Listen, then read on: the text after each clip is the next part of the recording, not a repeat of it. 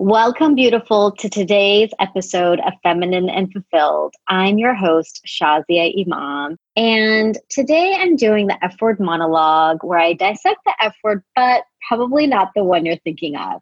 Today's F word is finite, as in a finite amount of time. And this episode for me is really special because I actually have what I call the deathbed question. It's a really powerful question that I've been asking myself, and I'm going to share it with you a little bit later in the episode. But I wanted to start off by just giving you a little bit of background about why I would choose finite. I hear people talking about being busy all the time, all the time. Like it's like a badge of honor that people wear. And this conversation around time is something that I've been hearing for years. In fact, I have a wonderful gift I created, my 10 secrets to more time. And I created that because I was hearing from women over and over again that they just wished that they had more time. So if you want that, you can grab that. It's my gift to you, totally free, and you can grab that at thelifeengineer.com slash time. So I kept hearing this conversation about time, and time is a really fascinating thing because it feels very limited, it feels very finite. And in many ways, it is. And yet, time also has a very expansive quality to it as well, or it can feel constricted. It depends on the energy of time that exists in your life. So, when you're thinking about time, how do you think about it? Do you just think about time as in, you know, the number of hours in a day? Do you think about it in the number of years in your life? Do you think about how you just wish you had more time? I mean, you're like, who cares what it is? I just wish I had more of it because I just don't have enough time to get the things I need to get done, let alone the things I want to get done. And so the conversation around time, especially in the West, is just about being busy, busy, busy, busy, busy. And sometimes I just say out loud, I'm not busy. I do have time, but I have time because I've shifted my relationship with time. So there's a beautiful talk that I heard by Dr. TJ Winters, also known as Sheikh Abdul Hakim Murad. He's a professor out of Cambridge University in the UK. And he said that time is measured by your breaths. So our lifespan is measured by our breath, the amount of breaths that we take. So if you knew that you had a finite amount of breaths that had been predetermined for the length of your life, that you would take, I don't know, however quadrillion breaths that we have in a lifetime, and it's likely much, much more than that. But if you knew that, how would you breathe? Would you take longer breaths? or would you allow them to be shallow and like i'm so stressed i'm so busy i'm so like just in that energy of busyness and chaos and like very shallow breaths that are moving so quickly versus taking the time to take in a deep breath and then let it out. It's a difference between one breath in a state of allowing yourself to breathe versus maybe five breaths in a state of stress and anxiety. Now, this is really deep, and maybe you're like, I mean, who's gonna, you might be saying, Shazi, who has the time to even think about your breaths? But that's exactly what you get to do. You get to think about what it is that is keeping you from breathing. That's the first place to start. What is keeping you from breathing? What are the things that are stressful in your life?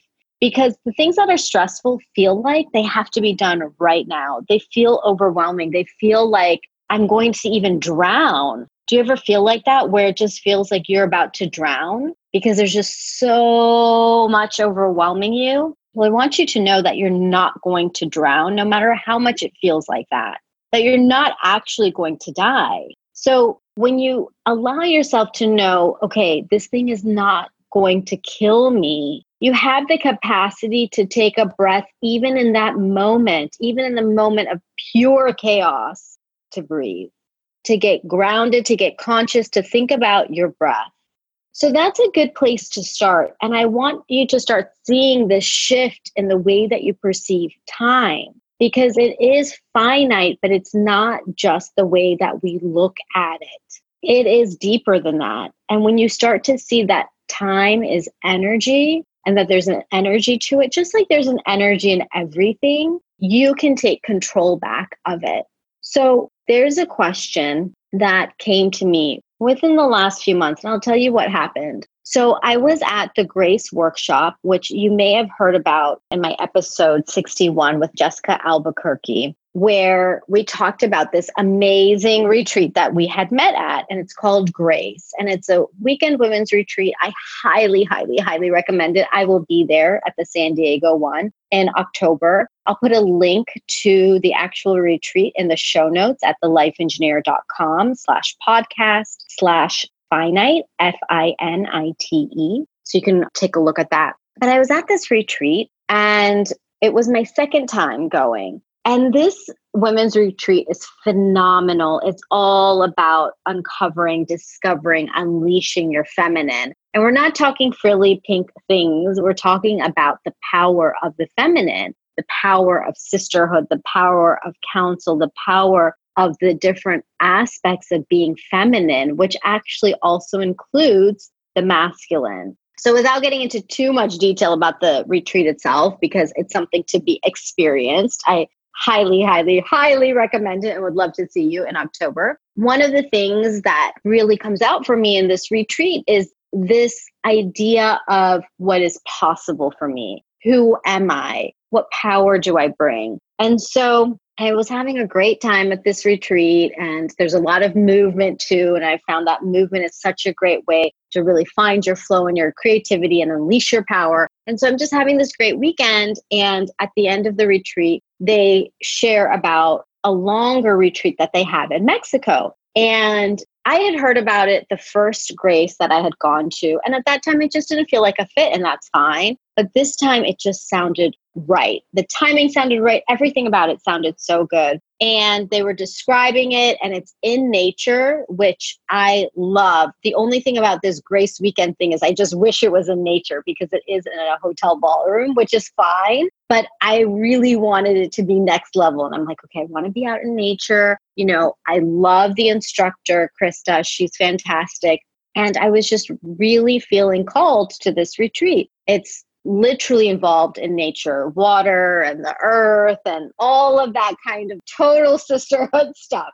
And so the timing worked really well. The investment was so reasonable. And I thought to myself, yes, it just came to me very simply like, yes.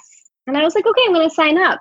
But all of a sudden, another part of me came in, my critter brain, and the part of me that was like, no, no, no, no, no. Oh my gosh, why you know do you have to do that? Are you just going to be doing another program? Do you need to spend the money? You know all of those like security questions that come up. And that's how i lived most of my life was feeling very secure and everything was about is this practical? Is this like the best deal? Is this even worth it? And you know for me i have countless stories about where i held myself back in doing things purely because of price point, if I'm going to be completely honest with you. And this time, everything really fell into place, but there was still a part of me that felt like, no, maybe I won't do it. There was even a part of me, if I tried to put away all of the other things that were coming up, there was still a part of me that was like, well, do you really need another thing? Like, aren't you okay yet? But it wasn't about being okay or not okay. It was about going to this amazing retreat to really unleash my feminine power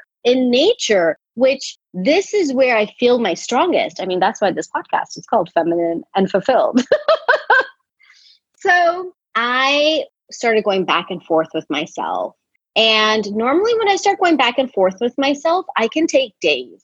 And it used to be weeks and months for me, or maybe not even doing it. But this time I was, it was probably about an hour. But I asked myself this question. I, I remember this question coming up for me intuitively. And the question was when I'm on my deathbed, am I going to look back and regret that I did this? Or will I regret if I didn't do it?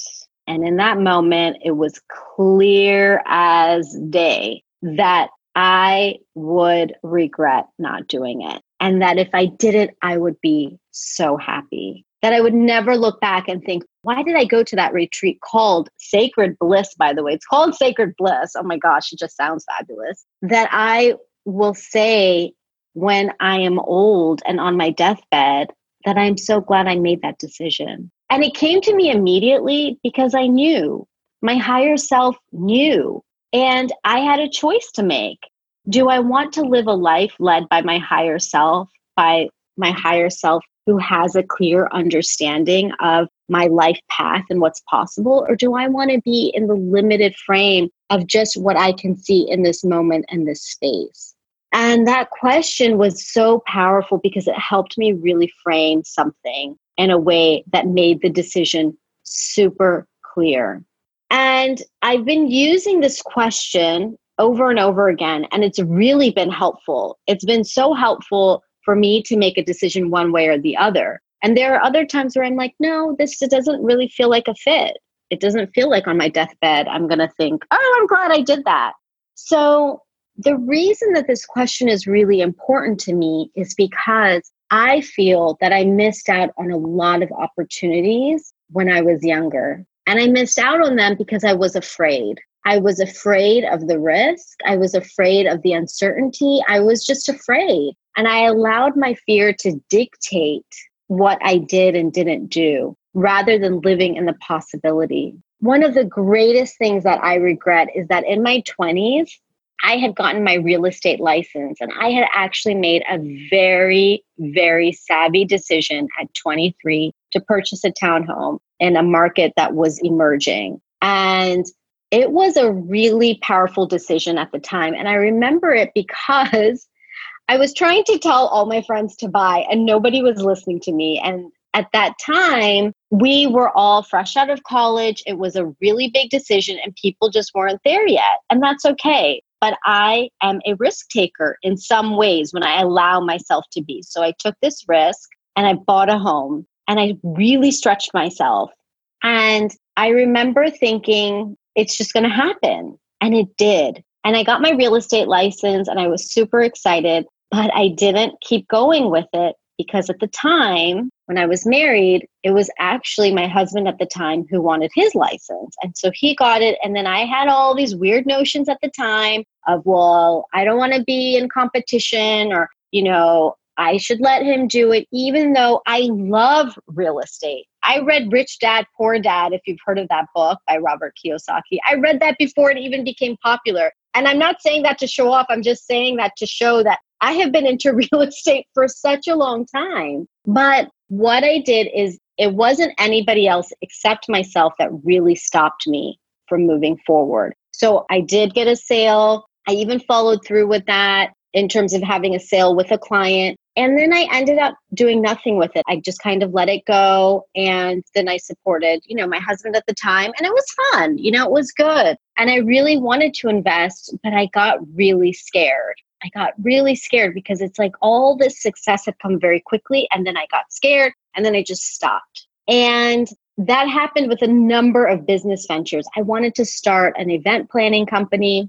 I wanted to start a wedding favors company. There were a lot of things I wanted to do, and I could have done well at any of them. Any of them. It, it really doesn't matter. But my greatest dream had really been in real estate. One of my secret dreams in life is to be a real estate developer. Like it's still a dream that I've been exploring again recently. I'm not sure how, but I'm going to put it out there that it's something that really lights me up. So when I look back at my 20s, I do hold regret. I hold regret not in a way that it's debilitating, but I'm sad for myself that I didn't take those risks, that I didn't allow myself to just give it a go and give it a try. And, you know, any one of those paths could have been fruitful. And if it wasn't that path, if it wasn't that exact thing, the path would have opened up something else. And it wasn't until my mid 30s that I began to really start taking risks outside of the normal status quo of, you know, the nine to five corporate job. And so I feel when I look back on time for myself that I missed out on this big window of opportunity I'm not going to spend time like thinking just about the almost last 20 years of my life being a waste there's a lot to celebrate in what I've done up until now. And it's also a lessons learned to me to not have myself live from fear for the next 20 years of my life and then the 20 after that and the 20 after that. So when does that start? It starts now. So when I made that decision to go to Sacred Bliss, it was a pivotal moment for me. When I said yes to this Sacred Bliss retreat, it wasn't just saying yes to another personal growth thing because I love personal growth programs. It was saying yes to something that I believe is on my trajectory for really being a contributor in this space of women unleashing their power. And that starts with me unleashing my own. That starts with me living from a place of possibility rather than fear. And knowing that my time is finite. Your time is finite, but it's not over. It's not like it's over. But I'm not going to keep waiting for the moment that I'm without fear. I'm not going to keep waiting for the moment where all the money's in place or all like all the kids are grown or my relationship is perfect or I get permission from somebody. Trust me, I'm not getting permission from anybody. And it's risky to do these things. There's so much risk involved. And yet, there's so much life in it too. And for me, it is so much more important to live my life than to allow another year, another 10 years, another possibly 100 years, depending on how long I live, to just go by waiting and wishing and then regretting the past. We have this moment in the present to be who you are. I'm so passionate about this. Like I, am like I see you right now. Like you have this moment now. You have this moment. So what is that thing? What is that thing that when you want to really jump into it, you want to take that leap of faith, that you want to say yes to, but you're afraid of? Ask yourself the deathbed question that on your deathbed, how will you think about this particular thing? Will you regret not having done it? Will you regret having done it? Or will you be so ecstatic that on your last moments, in your last moments, you will say, I am so proud that I did that because that was the catalyst to the next thing and the next thing and the next thing. If you are really looking for your life to change, then your mindset, it has to start from your mindset. It has to start with taking a bold step because I hear time and time again from so many women that they feel like their time has passed and your time has not passed. A section of time has gone by, yes, but you still have so many decades in front of you. You can still start today.